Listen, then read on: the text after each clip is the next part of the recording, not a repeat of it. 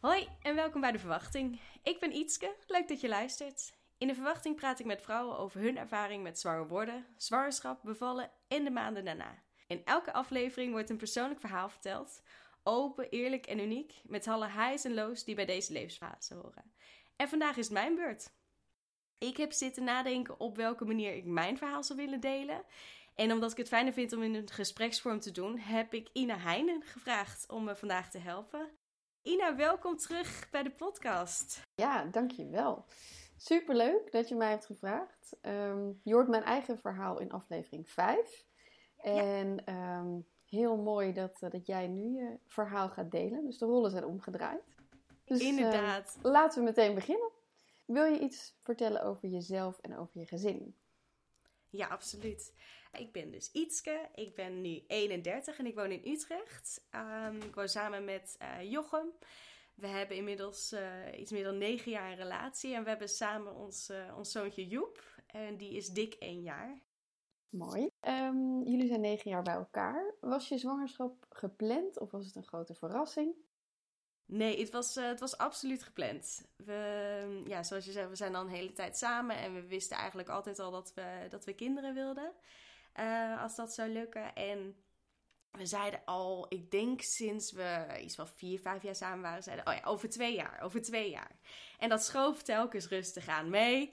En dat was prima. Weet je, ik had nog niet enorm rammelende eierstokken. Totdat we ons eerste huisje kochten. En toen was er ineens ruimte voor een kindje. En toen dacht ik, oh, ja, nu zie ik het eigenlijk wel voor me. Waarom, waarom eigenlijk nog wachten? Waar, waar wachten we eigenlijk op? Toen hadden we gepland van, oh ja, dan gaan we net als denk iedereen, van, gaan we eerst nog even die reis doen. Uh, we wilden heel graag naar IJsland. Uh, daarna gaan we beginnen. En toen, een maandje daarvoor ongeveer, um, moest ik weer beginnen aan mijn nieuwe... Uh, ik heb de Nuvaring als, als anticonceptie, de nieuwe cyclus met de Nuvaring.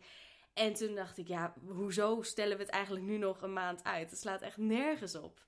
En toen, wat ik eigenlijk dacht dat een moment zou zijn van, oh, weet je, romantisch, we gaan beginnen. Was gewoon van, ja, zou ik gewoon niet beginnen? Ja, is goed. Oké, okay.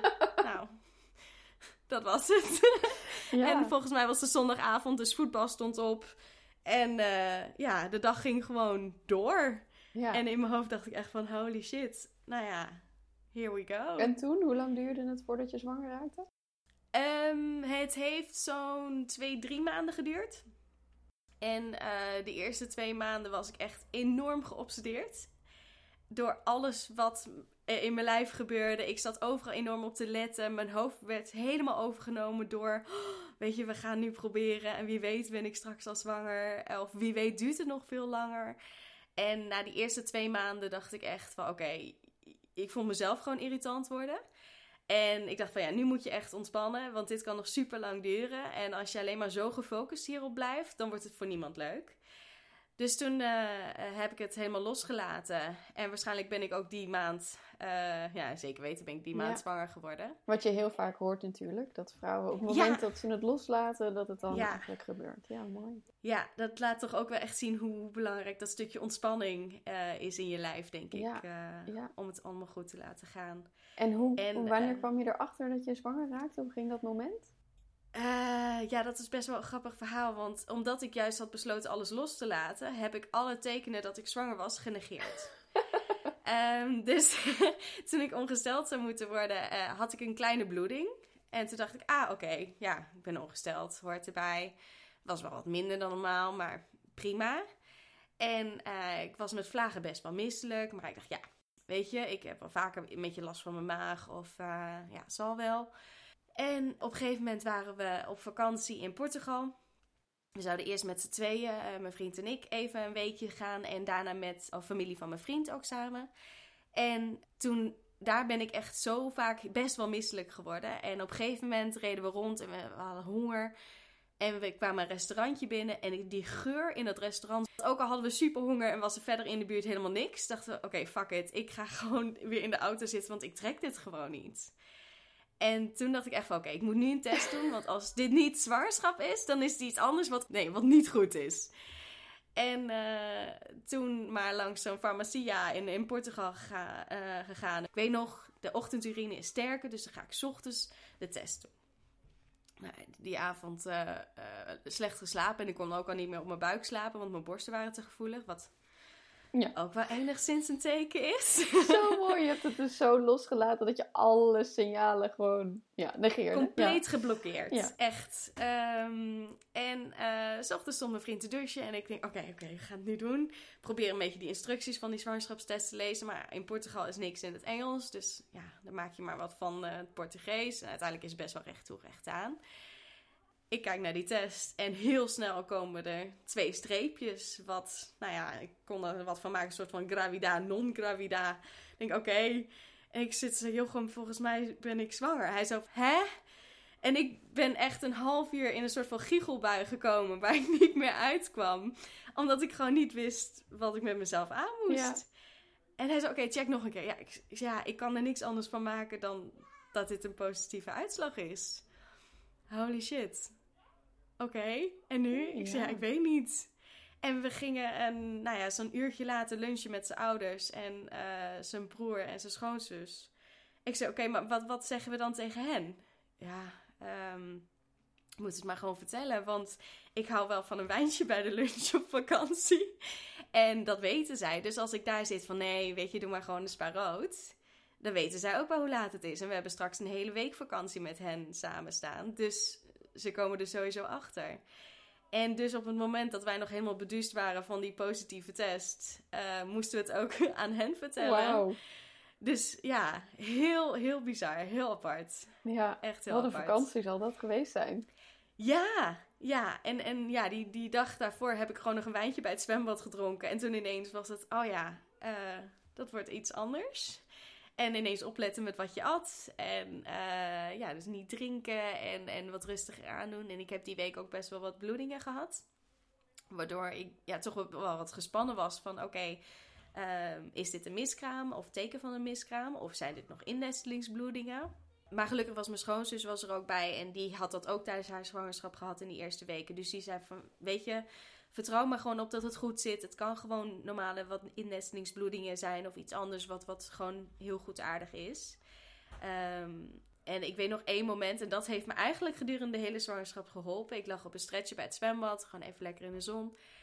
En ik dacht, oké, ik moet nu die gedachten stoppen. Die weerwar aan gedachten van, oh, gaat dit goed? En wat als het wel goed gaat en wat als het niet goed gaat? En hoe zien de komende maanden eruit? En ik dacht van oké, nee, ik moet gewoon vertrouwen hebben dat dit kindje bij mij blijft. Dus ik heb mijn handen op mijn hmm. buik gelegd, diep adem gehaald en gezegd tegen het kindje van jij blijft bij mij. En dat is eigenlijk gedurende de hele zwangerschap en, en ook een paar maanden daarna eigenlijk mijn mantra geweest. Van elke keer als ik helemaal door alle gedachten uh, ja, helemaal overgenomen werd, dacht ik nee, jij blijft bij mij. En uh, ja, daar heb ik echt ontzettend veel aan gehad. Uh, aan, aan ja, die momentjes van rust. Ja, wat mooi. Ja. En, en hoe vond je het om, uh, toen de eerste shock voorbij was, om zwanger te zijn? Hoe is je zwangerschap verlopen? Ja, ik vond het heerlijk om zwanger te zijn. Ik, uh, ik heb eigenlijk weinig klachten gehad, behalve die, die misselijkheid en wat gevoelige borsten. En um, ja, nee, mijn zwangerschap is fysiek gezien eigenlijk perfect gelopen. Ik uh, heb nog heel lang kunnen sporten. Ik heb zwangerschapspilates gedaan. Wat ook ontzettend heeft geholpen op de momenten dat ik wat meer ja, last van mijn bekken kreeg of last van mijn rug kreeg, om dat uh, te verlichten. Nee, fysiek gezien heerlijk. En ik vond het fantastisch om mijn lichaam te zien veranderen. En, en om, ja, en zeker denk ik na die 20 weken dan werd het voor mij pas echt dat ik dacht van, oh ja, er komt echt een kindje. En um, begon ook al een beetje ja, een hechtingsproces en, en een voorbereiding in mijn hoofd van... oké, wij worden straks ouders, we hebben straks een kindje uh, erbij. En um, medisch gezien zijn er wel wat dingen die, die toch wel een, um, ja, hun sporen hebben achtergelaten. Ik had een hele goede 20 weken echo, maar de, uh, ja, de check daarna bij de verloskundige was mijn baarmoeder best wel snel omhoog gekomen. En zei van, nou, weet je, hoeft helemaal niks negatiefs te zijn. Maar ik wil het even laten checken, want het kan zijn dat je misschien zwangerschapsdiabetes hebt en dat je kindje heel erg snel is gegroeid. En dan moeten we dat gewoon even monitoren. Ik zei, oké, is goed. En toen, dan merk je ook, die hormonen nemen je lijf over. Want toen zag ik, oké, en maar ik bel mijn vriend op de fiets. En ik zei, ja. ik weet niet of alles goed is. En hij zei, wat, wat, wat is er aan de hand? Ik zei, nee, we moeten gewoon een extra controle. Oké, oké. Ehm, dus gelukkig konden we diezelfde dag terecht bij een echoscopist. En die zei, nou met het kindje is alles helemaal goed. Maar ik zie wel dat je meerlobbige placenta hebt. En dat moeten we even extra nachecken. En dat was niet bij de 20 weken echo gevonden, maar dat zag zij wel. En wat betekent dat? Ja, dat is eigenlijk normaal gezien is je placenta gewoon één ja, ronde-achtige vorm. En uh, in mijn geval was het meer een achtvorm. Dus hij bestond meer soort van uit twee delen. En uh, soms kan het heel extreem zijn dat er alleen maar bloedvaatjes zitten uh, tussen de twee delen. Maar die van mij staat best wel aan elkaar vast nog. En dat kan ook ervoor zorgen dat de bloedvaatjes op verschillende manieren door je placenta heen of door je baarmoeder heen zitten. Waaronder ook over je baarmoederhals. Mm. En dat kan weer complicaties veroorzaken uh, bij een, een, bevalling, bij een vaginale bevalling. Ja, gewoon de staat van de placenta en even te kijken, zitten de bloedvaatjes op plekken waar het niet hoort? Toch nog even naar het ziekenhuis voor een extra controle daar prima, is goed. Ik maakte me er eigenlijk niet zoveel zorgen over. Mijn kindje was gezond en ik was gezond en uh, helemaal in orde. En een paar weken later kwam ik daar terecht. En met de um, uitwendige echo was alles prima. Niks aan de hand. Mijn baarmoeder zat goed hoog. Ja, placenta zat goed hoog. En uh, alleen toen zei ze, nou, ik doe toch voor de zekerheid even een inwendige echo. En daar zag ze bloedvaatjes zitten. Dus zij zegt, ja, je hebt daar bloedvaatjes zitten. Je hebt vasa previa. Ik zei, oké, eh, wat betekent dat? Ja, daar kon ze verder allemaal niks over zeggen. Oké, is goed. Vraag mij een verloskundige. Dus ik belde de verloskundige en zij zegt, nou dat betekent dat jij niet vaginaal kan bevallen. En dat betekent dat je medisch bent en dat we je per direct overdragen naar uh, de gynaecoloog. Wauw, terwijl wat ik weet van, van een laagliggende placenta is dat het eigenlijk in bijna alle gevallen ook weer wegtrekt, toch? Ja, ja, inderdaad, dat hoor ik ook heel vaak. En um, ja, het, het, was best wel um, stellig gezegd allemaal. Van ja, nee, je bent nu gewoon medisch. Uh, we dragen je per direct over. En het nadeel was dat ik pas echt weken later uh, bij de gynaecoloog terecht kon. Dus ik had dat in die tussentijd met ontzettend veel vragen. En, en dan doe ik je wat eigenlijk je niet hoort te doen. Wat is googlen. Ja. Um, en daar zie je de worst case scenario's van wat er uh, kan gebeuren als je een, ja, eigenlijk een niet gedetecteerde fase previa hebt. En je, en je kon nergens ter, en je kon nergens terecht om je vragen te stellen. Voor mijn gevoel, inderdaad, zat ik een beetje tussen, uh, ja, tussen twee vakken in. Van ja, waar, waar, moet ik nou terecht? En toen heb ik na een paar keer bellen gelukkig wel echt wat, wat uh, meer aangedrongen op duidelijkheid. Van ja, wat als ik nu ineens uh, mijn vlies breek? Weet je, het kan. Of ik krijg weeën. Of ik voel me niet goed. Waar moet ik dan terecht? Wie want, moet ik bellen? Want hoeveel weken was je toen je werd overgedragen? Even denken, volgens mij was ik toen iets van 30 weken. Ja. Ja. Ja, dan dus, wil je dit dus, soort dingen wel weten. Inderdaad. En ik ben ook gewoon iemand. Ik vind niet erg als er iets uh, gebeurt wat niet helemaal volgens plan is. Maar ik moet dan wel weten van: oké, wat is dan het volgende plan? Waar, waar kan ik op aan? En, en uh, in geval van nood, wie moet ik bellen? En dat nummer wil ik gewoon even met telefoon hebben. Dan hoef ik er verder niet over na te denken. En dan is dat gewoon duidelijk. Maar uiteindelijk werd het duidelijk van ja, totdat ik daadwerkelijk bij de gynaecoloog terecht kon, was de verloskundige mijn contactpunt en uh, kon ik daar altijd terecht. En dat is ook wel iets wat ik nu bij volgende zwangerschap eventueel veel, heel anders aan zou pakken. Ik zou veel duidelijker aandringen op duidelijkheid van ja, welke uh, hulpverlener dan ook. Uh, ja. Of zorgverlener. Um, en ik denk vaak bij een eerste zwangerschap ben je dan toch wat terughoudend. Want je wil niemand tot last zijn. En het valt toch wel mee. Ik denk van ja. Maar je hebt eigenlijk al die weken in, in een soort van stress gezeten. Of ieder geval heel veel onzekerheid. Ja. En hoe is dat uiteindelijk afgerond? Want um, heb je nog een extra controle gehad? En wat kwam daar toen uit? Nou ja, toen heb ik inderdaad, uh, kon ik bij de gynaecoloog terecht, eindelijk. En uh, die zei, nou weet je, we kijken eerst gewoon rustig even naar je baby. Dat was in het uh, ziekenhuis hier in Utrecht. Super fijne gynaecoloog, heel rustig. Even rustig naar het kindje gekeken. Nou, dan, dan ben je al gelijk rustig. Als je denkt van, nou, hij, hij zit daar prima, hij heeft het goed. We wisten dat het een jongetje was. En uh, nou ook even vaginale echo om te kijken van hoe zitten die bloedvaatjes dan precies. En hij zei ja, um, ik zie niks. Ik zei oh, oké. Okay. En gelukkig zei hij, stelde hij zelf gelijk al voor om een second opinion te laten doen door een andere gynaecoloog. Hij zei ja, in dit soort gevallen wil je gewoon super zeker zijn. Is er wel iets of is er niet iets? Uh, ik zei topplan. Dus een paar weken later, of ja, volgens mij anderhalve week later, konden we weer terecht bij een andere gynaecoloog. En uh, hij zei: Ja, nee, er zit gewoon niks. Dus ik weet niet wat die echoscopist heeft gezien. Maar uh, je hebt geen fase previa. Je kan gewoon vaginaal bevallen. Um, maar je zoontje zit wel in stuit. Ik zie ja, ik heb me eigenlijk nooit anders gezien. En ik voel me ook altijd alleen maar op die manier.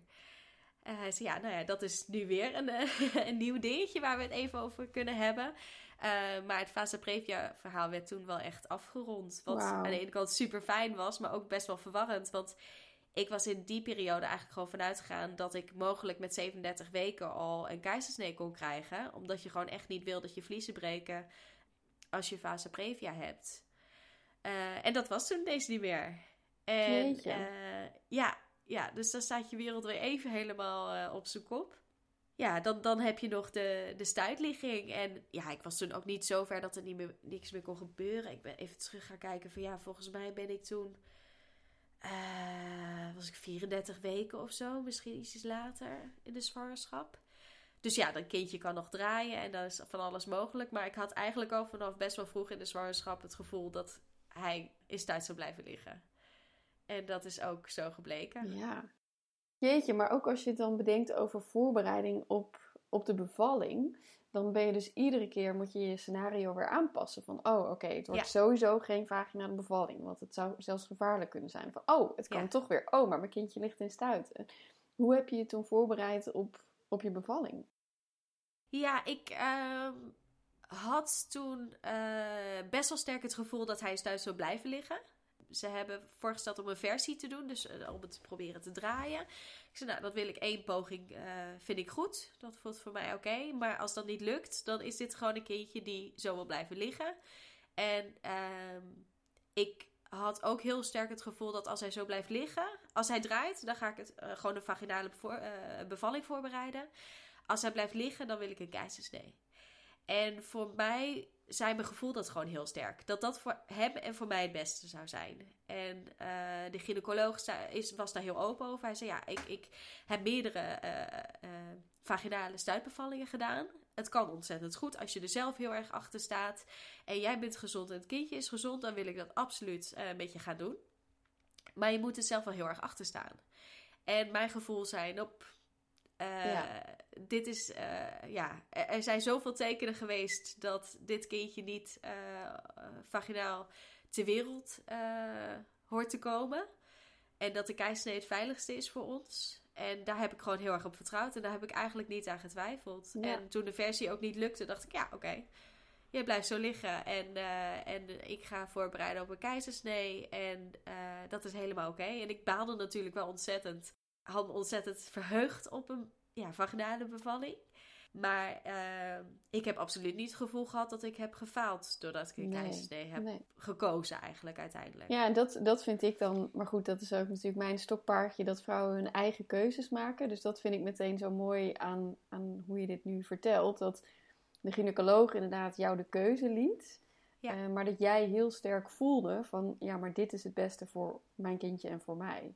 En ja ik geloof dat je dan eigenlijk al nooit meer een verkeerde keuze kunt maken. Als je zo nee. sterk dat voelt. Hoe heb je toen nog wel nagedacht over een geboorteplan of geboortewensen? Waar heb je toen rekening mee gehouden? Ik, ik had nagedacht of ik misschien een, een gentle cesarean zou willen. In, een, in het Diakones ziekenhuis zijn al best wel veel uh, van de keizersneden. Dus als er niet spoedkeizersneden zijn, uh, proberen ze al zoveel mogelijk na te bootsen van een, uh, van een vaginale bevalling. Um, maar ik hoefde niet per se mijn kindje zelf uit de buik uh, te halen. Uh, maar ik wilde hem wel zo snel mogelijk om me hebben. Dat was wel iets wat ik wilde. Maar ik kan me eigenlijk niet meer herinneren of we daadwerkelijk hebben vastgelegd ergens of niet. Omdat ik het gevoel had de regie zodanig te hebben over dat ik een keisnee kreeg. Hoe die keisnee ging, eigenlijk best wel bij het ziekenhuis gelaten. En nu achteraf zou ik, omdat ik heel veel geluk heb uh, gehad met hoe het is gegaan. Ik denk van ja, het is ook heel geluk dat dit team er stond met deze instelling.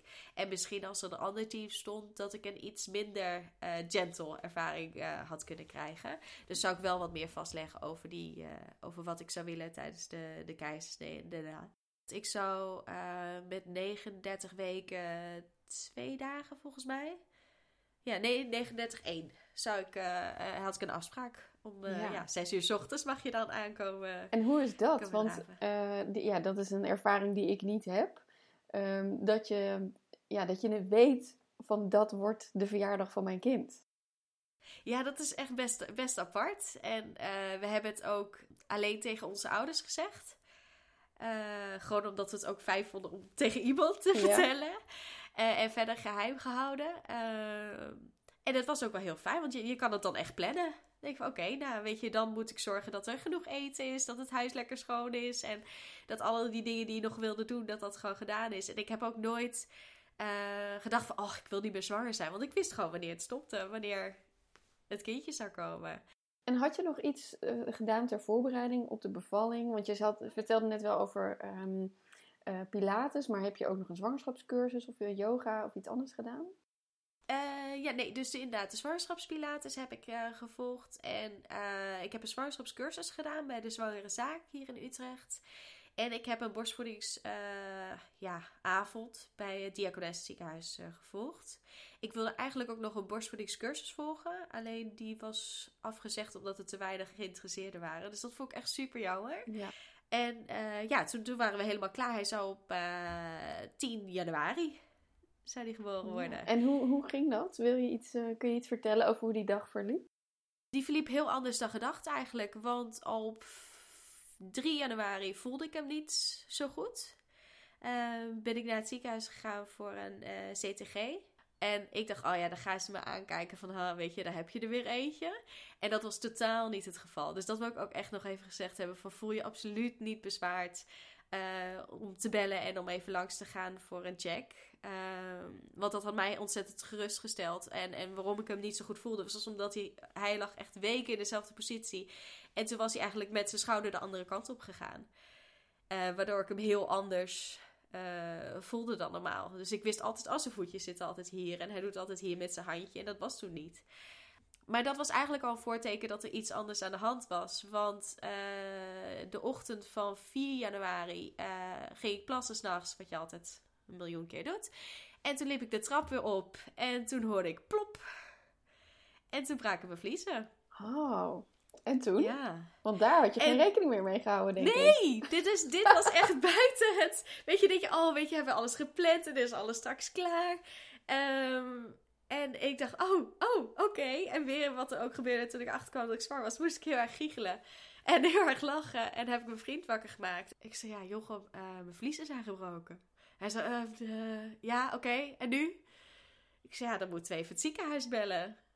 Oké, oké, wat is het nummer? Ik zei, oké, ik bel wel. Zorg jij maar gewoon dat mijn spullen, want die vluchtkoffer die je natuurlijk lekker kan plannen wanneer die klaar moet zijn, die was nog niet helemaal klaar.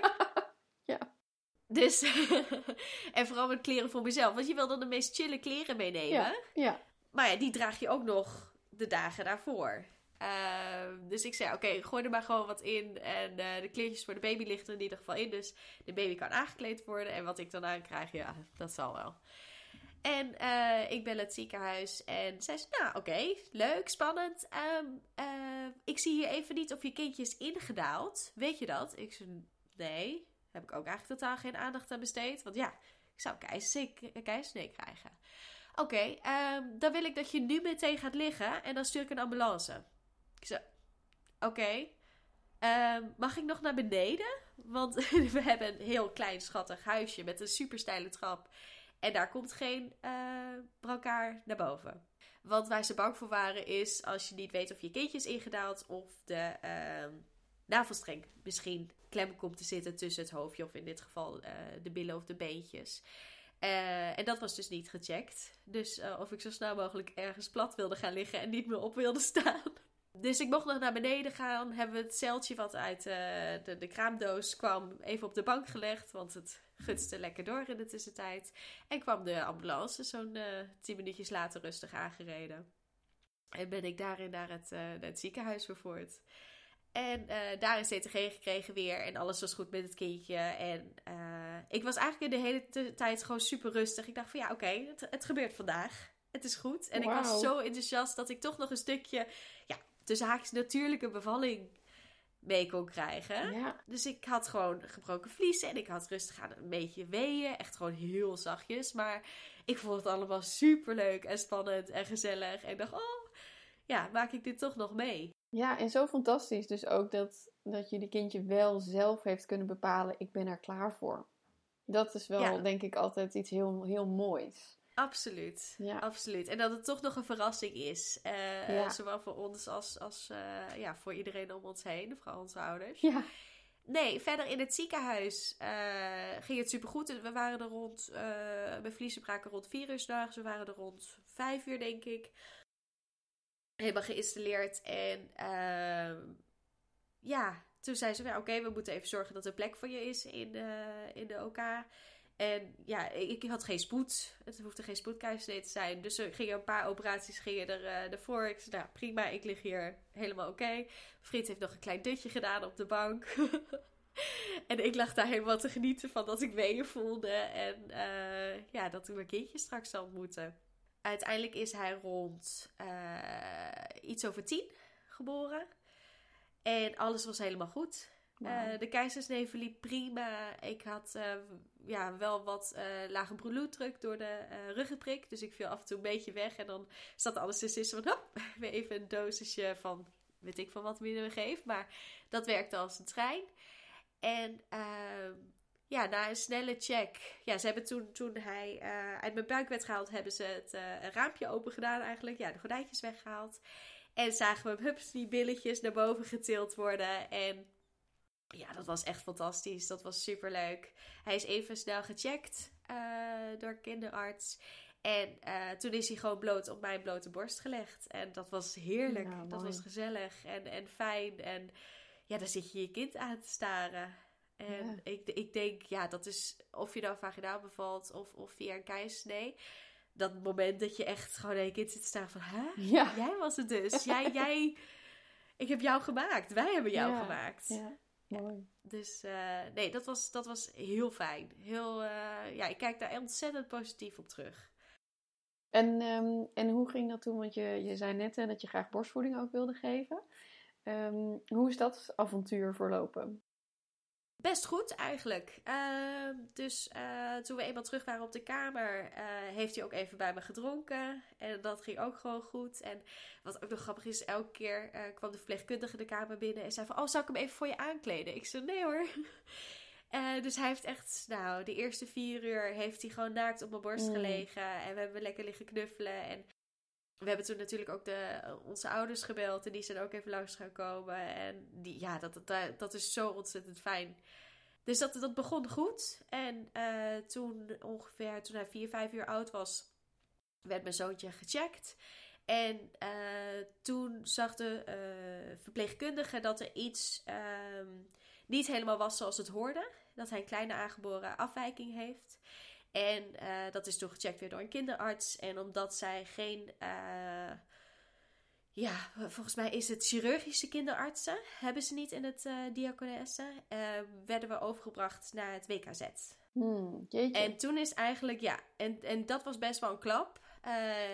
Ten eerste van, er is iets mis met je kindje. Hij heeft een aangeboren afwijking, werd verteld. En, en dit is een, een kleine afwijking, maar we weten niet wat voor, ja, wat er nog meer mis mee is aan de binnenkant, wat we niet gelijk kunnen zien. Eh, dus er konden dingen mis zijn met zijn hartje of met zijn darmstelsel. eh, of dat hij een, toch een chromosoomfoutje had. En, en wat dan op het oog een super gezond, lekker kindje was, eh, kon misschien toch ook heel erg ziek zijn. En dat was een hele schok. En de andere schok was, hij gaat nu gelijk naar het eh, WKZ, eh, naar de NICU. En eh, we moeten even kijken of we voor jou ook een plekje hebben Oh, daar. terwijl je dit vertelt, ik krijg echt helemaal Oh. kippenvel. Dat, Ja, dat het idee dat je inderdaad dat kindje wat je vier uur lekker op je borst hebt gelegen, Ja. dan opeens weg, ja, weggaat. Hoe, Dat was hoe, heftig. Hoe voelde dat op dat moment? Ja, vreselijk. Ja, ik krijg ook bijna een brok in mijn keel weer als ik dit vertel. Want wat je zegt, hij is zo. Hij, ja, ik heb hem negen maanden gedragen en toen alleen maar eigenlijk zo bij me gehad. En rustig aan elkaar gewend. En ineens wordt dat heel erg abrupt eh, gestopt. En mijn middelste broertje was er toevallig net. Dus hij is bij me op de kamer gebleven. En mijn vriend is met ons zoontje meegegaan. En omdat uh, ik borstvoeding wilde geven en uh, hij even geen voedsel mocht, omdat ze niet wisten wat er precies aan de hand was, ben ik gaan kolven. Dus ik heb daar met mijn broertje van, hij was toen, uh, hij is, ja, wat is hij, 25? Zitten kolven op de kamer terwijl ik zat te huilen. ik zei, het gaat wel goed hoor. oh ja. Dus dat is echt een bizarre situatie geweest. Waar, waar alle emoties all over the place waren. En, maar ik ben, het was ook aan de andere kant een heel bijzonder moment. Dat hij er voor mij kon zijn. En ik niet alleen hoefde te zijn. En dat uh, Jochem bij Joep was. En ja, het was chaos. Maar ook weer heel veel liefde. Want oké, we gingen er gewoon samen voor zorgen dat dit oké werd. Dat, dat het weer goed kwam. En gelukkig kreeg ik ook best wel snel te weten dat er ook voor mij een plekje was in het WKZ. Uh, dus ik kon daar relatief snel achteraan. Maar daar is eigenlijk een hele rollercoaster uh, begonnen. Wat je gewoon niet wil in je kraamtijd. Wow. Absoluut niet. Ja, want jij was ook nog aan het herstellen van je keizersnede. Wat natuurlijk ook gewoon, ook als het goed gaat, een heftige buikoperatie ja. is. Waar je veel rust moet nemen en echt de tijd moet nemen om te herstellen. Ja, ja en dat is eigenlijk onmogelijk. Sowieso al denk ik, als je net een kind hebt gehad, om, om echt rustig aan te doen. Um, maar helemaal in zo'n ziekenhuis. En, en, ik ben toen, de, heeft, uh, mijn zoontje heeft, ja, ik, ik wil niet te veel uitwijken over wat uh, mis is met mijn zoontje. Omdat het gewoon vanwege zijn privacy, uh, vind ik het aan hem om op een gegeven moment de wereld in te slingeren. het werd best wel snel duidelijk gelukkig dat het niet levensbedreigend was wat, wat hij had. En de testen gedurende die week kwamen ook telkens positief uh, naar voren. Dus dat was wel heel erg fijn. Maar alsnog heeft hij twee dagen toen op de NICU gelegen. Um, en ik op de kraamafdeling. Dus dat is zo chaos geweest. En ik dacht gewoon telkens als ik wakker werd, hup op die bel drukken en mag ik naar hem toe. En dan moesten weer twee verpleegkundigen uh, tijd vrijmaken om mij naar die verdieping uh, waar hij zat te rollen. En dan moest ik weer terug om te kolven naar mijn eigen uh, verdieping. Ja, en, en, waar was, en waar was je partner? Mocht hij ook in het ziekenhuis blijven of moest hij dan s'nachts naar huis? Um, hij had een keuze. In die eerste twee nachten had hij een keuze. Uh, omdat ik op de kraamafdeling lag en er was een bed naast mij op de kamer vrij. Uh, maar hij was natuurlijk ook helemaal ondersteboven van wat er allemaal gebeurde. En, en zag ook aan het einde van de dag uh, super wit. Dus ik had gezegd van weet je, ga gewoon even thuis, even buiten een rondje lopen. Even met een vriend kletsen en gewoon slapen. Want ik heb je morgen weer nodig. En ik moet s'nachts weer kolven en weet ik wat allemaal. Dus slaap gewoon alsjeblieft even goed, rust goed uit. En kom morgen weer. Dus, dus ja, daar waren we over eens dat dat voor ons beiden het beste was.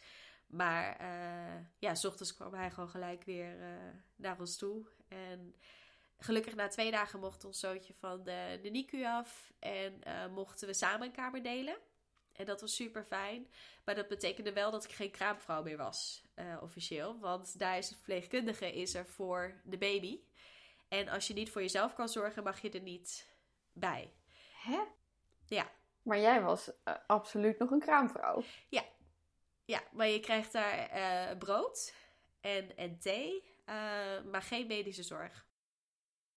Maar wie, wie checkte dan of jou, hoe je wond genas of Niemand. Hè? Ja. Ja, dus achteraf, ik, ik besprak het ook met uh, de verloskundige, uh, gewoon van de praktijk hier in de buurt waar ik liep. En met onze kraamhulp toen we thuis kwamen. En die zei ook van, oh, daar is ergens iets misgegaan. Want ja, als op de kinderverpleegafdeling uh, zijn de, de verpleegkundigen voor en de artsen voor het kind. Maar je, je hebt wel net gewoon een, een flinke operatie gehad. En ehm, ja, ik ben toen één keer kwam een. een uh, ja, omdat ik toen eigenlijk niet meer bij uh, de gynaecoloog uh, liep, maar weer bij de verloskundige van mijn eigen praktijk. is die één keer langsgekomen. Maar dat is volgens mij. Ik kan het mis hebben hoor, want het is een beetje weer warm. Maar volgens mij is dat de enige check die ik heb gehad. Ook met mijn temperatuur, of mijn mentale gesteldheid of de wond. Wauw, wat heftig. Want als je norma normaal, tussen aanhalingstekens thuis bent na de geboorte van je baby, dan heb je om de twee, drie dagen dat de verloskundige even kijkt. En de, de, kraamzorg is er natuurlijk om, uh, om alles in de gaten te houden. Ja, nee, dat, dat is wel uh, even iets wat volgens mij niet helemaal goed is gegaan. Uh, maar voor mij was het belangrijkste dat ik bij ons zoontje kon zijn. Dus ik dacht, oké, okay, is goed, prima. Ik kan opstaan. Ja, en, en hoe lang heeft hij toen nog in het ziekenhuis gelegen? Totaal volgens mij vijf of zes nachten. En, en ik dus de, de laatste drie, vier met hem. Ehm, gelukkig kregen we ook nog wat langer kraamzorg toen we weer thuis waren. Dus dat was super fijn. En uh, ja, mijn herstel van mijn keizersnee was eigenlijk prima. Ja, dus uh, je, ja, je hoort er ook ontzettend uiteenlopende verhalen over uh, hoe vrouwen dat ervaren. Maar ja, het gaan zitten. Ik liep wel super voorzichtig, maar ik kon gewoon recht lopen. Dat was ontzettend fijn. En ja, het, het opstaan en gaan zitten en, en uit bed stappen en zo, dat is gewoon best wel lastig. Want je, je kan en je durft totaal niet je buikspieren te gebruiken. Dus alles is een beetje omslachtig uh, ja. wat je probeert te doen. Ja. En ik kon heel goed gewoon stilzitten op de bank. Fijn. En dus ook andere, andere mensen om hulp vragen. Ja. Ja, ja want dat absoluut. is ook iets wat, ja, wat ik altijd vrouwen aanraad. Is vraag ook anderen om hulp. Zeker na een keizersnede, maar ook na een vaginale geboorte. Um, en dat is, maar dat is niet voor iedereen even makkelijk. nee, nee, zeker niet. En, en ik heb ook wel momenten gehad dat ik tegen mezelf aan ben gelopen. Dat je echt denkt van oké, okay, ik ben nu echt zodanig te ver gegaan. Maar hoe, um, hoe vond je die eerste weken dan als moeder? Want dat is eh, normaal gesproken, uh, hè, als alles goed gaat, is het al heel intens. Maar dit klinkt uh, nog wel een stapje heftiger. Ja, ik denk wel dat die eerste dagen in het ziekenhuis wat een en ander in mij hebben veranderd. Um, instinctief kon ik supergoed voor mijn zoontje zorgen. En, en uh, vond ik het geen probleem om, om s'nachts zoveel wakker te worden en, en hem borstvoeding te geven. En dat vond ik heel erg fijn en, en gezellig. Uh, maar ik had er moeite mee dat ik bijzonder was voor hem. Maar, maar jij twijfelde niet zozeer over jouw uh, band met hem, maar meer met zijn band met jou. Ja. Ja, ja, ja. Ja, ja absoluut. En ik denk pas toen hij fysiek echt kon tonen dat ik dat hij naar me kon lachen en anders op mij reageerde dan op anderen. Toen pas overtuigde het mij van oké, we hebben wel echt uh, samen iets wat niemand anders heeft. Ja. Maar dat heeft wel lang geduurd. En dat, dat, ja, ik weet niet of dat anders ook was gebeurd als we niet die hele ziekenhuismedische start hadden gehad. Maar ik denk wel zeker dat het soort van de rationele kant van mij, wat een beetje soort ook, ook vaak een uitvlucht is, die ik gebruik als het emotioneel gewoon wat, wat heftig is, dan ga ik in mijn ratio zitten, dat dat ook wel iets mee te maken heeft. Ja. ja. Ja, en misschien ook wel een soort beschermingsmechanisme. Ja, absoluut. Jeetje. Ik heb mezelf toen ook, ik heb wel echt flinke weken gehad dat ik echt super veel moest huilen en, en ik sowieso dat hele, wat jij vorige aflevering ook vertelde, dat hele mentale shift dat je ineens moeder bent. En ik dacht, joh, ik ben gewoon iets maar dan met een kind. Maar, maar Joep nam mijn hele hoofd over. En ik wilde ook niet te lang bij hem weg zijn. Ik dacht, ja, maar ik, ja. En mijn vriend kon dan gewoon, ja, ging op een gegeven moment weer werken en met zijn vrienden een biertje doen. En dan overlegde hij allemaal. En ik zei, ja, dat moet je zeker doen. Maar ik was gewoon jaloers ook dat hij, zijn leven ging gewoon door. En die van mij stond echt nog compleet op zijn kop. Ja. En dat nam ik hem soms ook wel kwalijk. Terwijl ja, daar kan hij ook niks aan doen. Maar dat is wel iets waar ik enorm mee worstelde. Van ja, oké, maar wie ben ik nu dan als moeder ook? Ja. En dat heeft denk ik wel een, nou, ongeveer een jaar geduurd. Voordat ik dacht van oké, ik ben mezelf weer. Ik ben niet meer de ietske die ik was voordat ik een kindje had. Maar ik ben wel weer mezelf. En, en, en hoe oud is, uh, is je kindje nu? Hij is nu uh, eh, 15 maanden. Ja. ja, dus eigenlijk nog dus maar drie is... maanden. Dat je denkt, ja, drie, ik ben er maanden, weer. Inderdaad. Ja. ja, ja, dat heeft echt langer geduurd dan ik dacht. En ja, en, en het moment dat je denkt van, oké, okay, eh, eh, je, je, ziet wel vooruitgang op een gegeven moment. En je ziet weer dat je uh, bepaalde dingen die je vroeger uh, deed met vrienden en, en, en uitjes en, en, zo, dat helpt ontzettend om ook weer die kant van je te, te ontwikkelen. Maar wie je dan bent als, als moeder ook, dat, dat duurde wel een tijdje voordat ik dat uh, door had. En dat ik me daar ook goed bij voelde. Als je nu terugkijkt op die, ja, eigenlijk op die afgelopen 15 maanden, is er iets wat je graag vooraf had willen weten? Ik had me denk ik beter willen voorbereiden op, die, op de postnatale periode. Ja. Ja. En, en dat ehm, heb ik wel enigszins gedaan om, door ook bijvoorbeeld dit te bespreken met vriendinnen van mij die al een kindje hebben of met mijn moeder. En uh, aantal podcasts te luisteren waarin ook vrouwen hun verhalen delen. En dat is ook de reden dat ik deze podcast doe, omdat ik ook zo belangrijk vind om het hele verhaal te vertellen. En dat ook het postnatale deel zo'n groot onderdeel is van je ervaring. Ja, dat was wel fijn geweest. En nu kan ik ook eigenlijk veel beter om hulp vragen dan daarvoor. En ook veel beter hulp accepteren van bijvoorbeeld mijn moeder. Waar ik eerder dacht van nee joh, jij bent ook druk en het zal wel en het komt goed. Ik doe het zelf wel. Dan denk ik van ja, nee, ik snap nu waarom jij mij wil helpen. Want ik zou dat ook voor Joep doen. Ja, en zijn er andere dingen waarvan je denkt, nou dat, stel dat het hè, nog een tweede keer gaat gebeuren. Wat zou je dan anders doen? ja, bezoek minder, mindere mate. En uh, ook eerder, ik, ik heb tot uh, ongeveer zes, zeven maanden volledig borstvoeding gegeven. Dus ook op kantoor kolven en zo. En dat, dat ging gelukkig prima. Maar dat gaf me wel heel veel stress om op een gegeven moment thuis te komen. Als ik wist dat als ik thuis ben, dan heeft Joep super veel honger. En dan moet ik snel naar huis. En dat gaf mij lichamelijk best wel veel stress. En op een gegeven moment zijn we gemengd voeding eh, gaan geven. En dat hielp ontzettend. Want daardoor kon ik ook gewoon een avondje uit en, en wat wijntjes drinken. Uh, zonder daarna nog te denken: oh ja, maar ik moet zo golven en anders heeft hij niks. En dan moeten we uit de vriezer en ontdooien. En zo heel logistiek gebeuren in je hoofd. Dat ik dacht van: nee, oké, dan krijgt hij gewoon uh, poeder, melk, prima. En hij ging daar prima op. En voor mij heeft dat echt enorm veel ruimte gegeven uh, in mijn hoofd. Dat hij altijd gewoon terug kon vallen op die poedermelk. En niet met een flesje borstvoeding die eerst nog ontdooid moest worden. En dan op temperatuur moest komen. En, ja. Oh, ja. En, en hoe was dat voor jou ook om, ja, om na die periode weer aan het werk te gaan? Um, ja, dat is ook nog een verhaal op zich. Uh, op zich had ik er ontzettend zin in. En, en was ik er ook wel klaar voor toen mijn zoontje drie maanden is, is hij geopereerd. Best wel een grote operatie gehad in het Radboud in Nijmegen. En daardoor heb ik, uh, ben ik wat later begonnen met werk. Heb ik wat zorgverlof genomen. Uh, dus uiteindelijk was ik, ja, en wat vakantiedagen. Dus uiteindelijk was hij vier maanden uh, toen ik ben gaan werken. En toen hebben we pas met vijf maanden starten de opvang pas. In de tussentijd heeft mijn moeder extra opge opgepast. En ik ben drie dagen gaan werken dat werkte voor mij heel goed om echt gewoon een hele rustige start uh, te krijgen. En toen met vijf maanden ben ik vier dagen gaan werken. En dat was helemaal prima. Dat voelde goed. In de tussentijd was mijn baan helaas wel veranderd. Uh, we hadden een nieuwe manager gekregen. En uh, hij zag meer mensen nodig op een bepaald gebied. Wat voor mij een paar stappen terug was.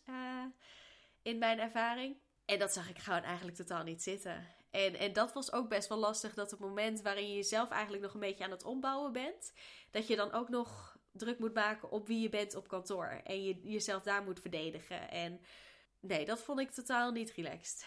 Dat was niet fijn. Um, um, want je bent um, een tijdje geleden deze podcast gestart. Waar, waar, kwam die ambitie vandaan? Want het is nogal wat om gewoon te zeggen, nou, ik ga dit doen. Dan, dan moet je wel echt een, een soort drive hebben waarom je daarmee start. Dus kun je daar iets over vertellen? Nee, ja, wat ik zei, ik, ik vond het heel leuk om tijdens mijn zwangerschap en, en vooral ook net daarna uh, andere podcasts te luisteren over dit onderwerp. En er zijn een paar uh, Australische en wat Amerikaanse podcasts waarin heel veel vrouwen hun uiteenlopende ervaringen delen. En juist die variatie aan verhalen vond ik ontzettend interessant. Dat vond ik gewoon ontzettend sterk. Ik dacht van ja, dat mis ik in Nederland wel. We hebben wel natuurlijk veel podcasts over dit onderwerp. Maar een podcast die uh, die hele periode van eigenlijk de kinderwens tot de maanden na de bevalling dekt. En daarin heel veel verschillende ervaringen vertelt. Dat mis ik nog. En uh, ik denk dat heb jij ook. Je begint vaak iets omdat je zelf mist. Uh, omdat je zelf de behoefte hebt uh, dat dit bestaat. En ja, zo is de verwachting eigenlijk ontstaan. Ja, mooi. Ja. ja, en wat ik ook zelf mooi vind aan de verhalen die jij deelt in je podcast, is dat het inderdaad heel breed is. En dat je ook de ruimte geeft aan iedereen om haar eigen verhaal te vertellen. Dus het is niet dat je achter de schermen denkt van, oh, dit is mijn persoonlijke boodschap. Ehm, maar je wil juist die diversiteit laten zien. Dus dat vind, ik, uh, vind ik mooi aan wat je doet. Ja, absoluut. absoluut.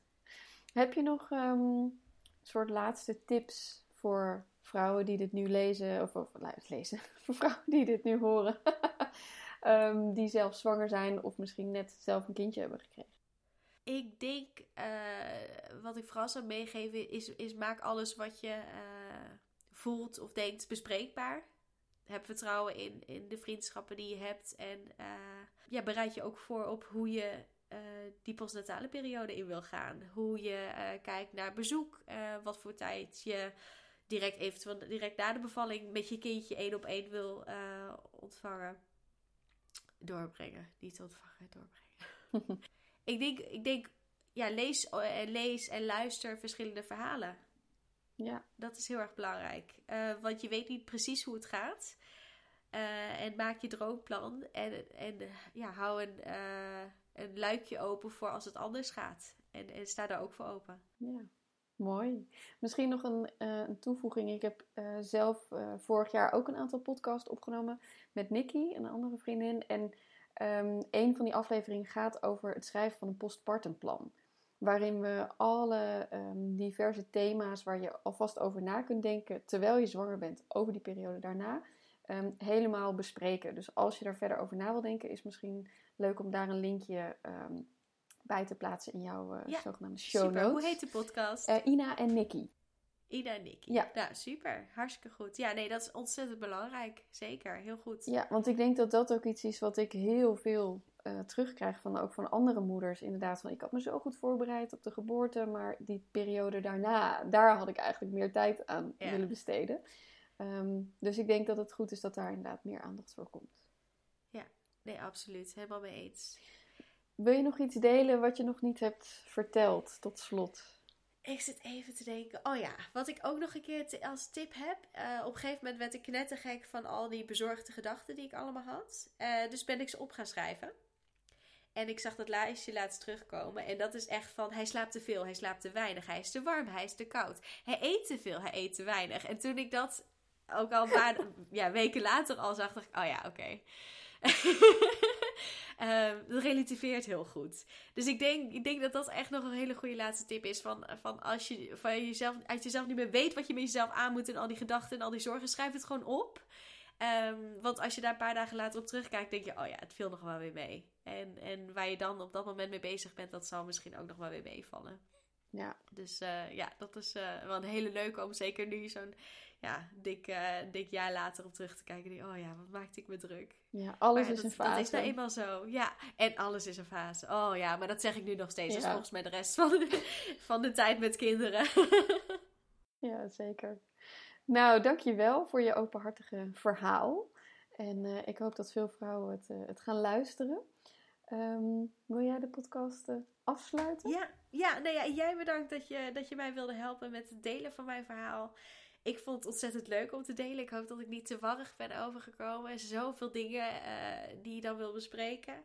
Ja, mocht er ook nog meer mensen zijn die een verhaal willen delen, neem contact op. Uh, kan me vinden op Instagram, dat is het makkelijkste. Of anders de verwachtingpodcast.gmail.com kan je me mailen.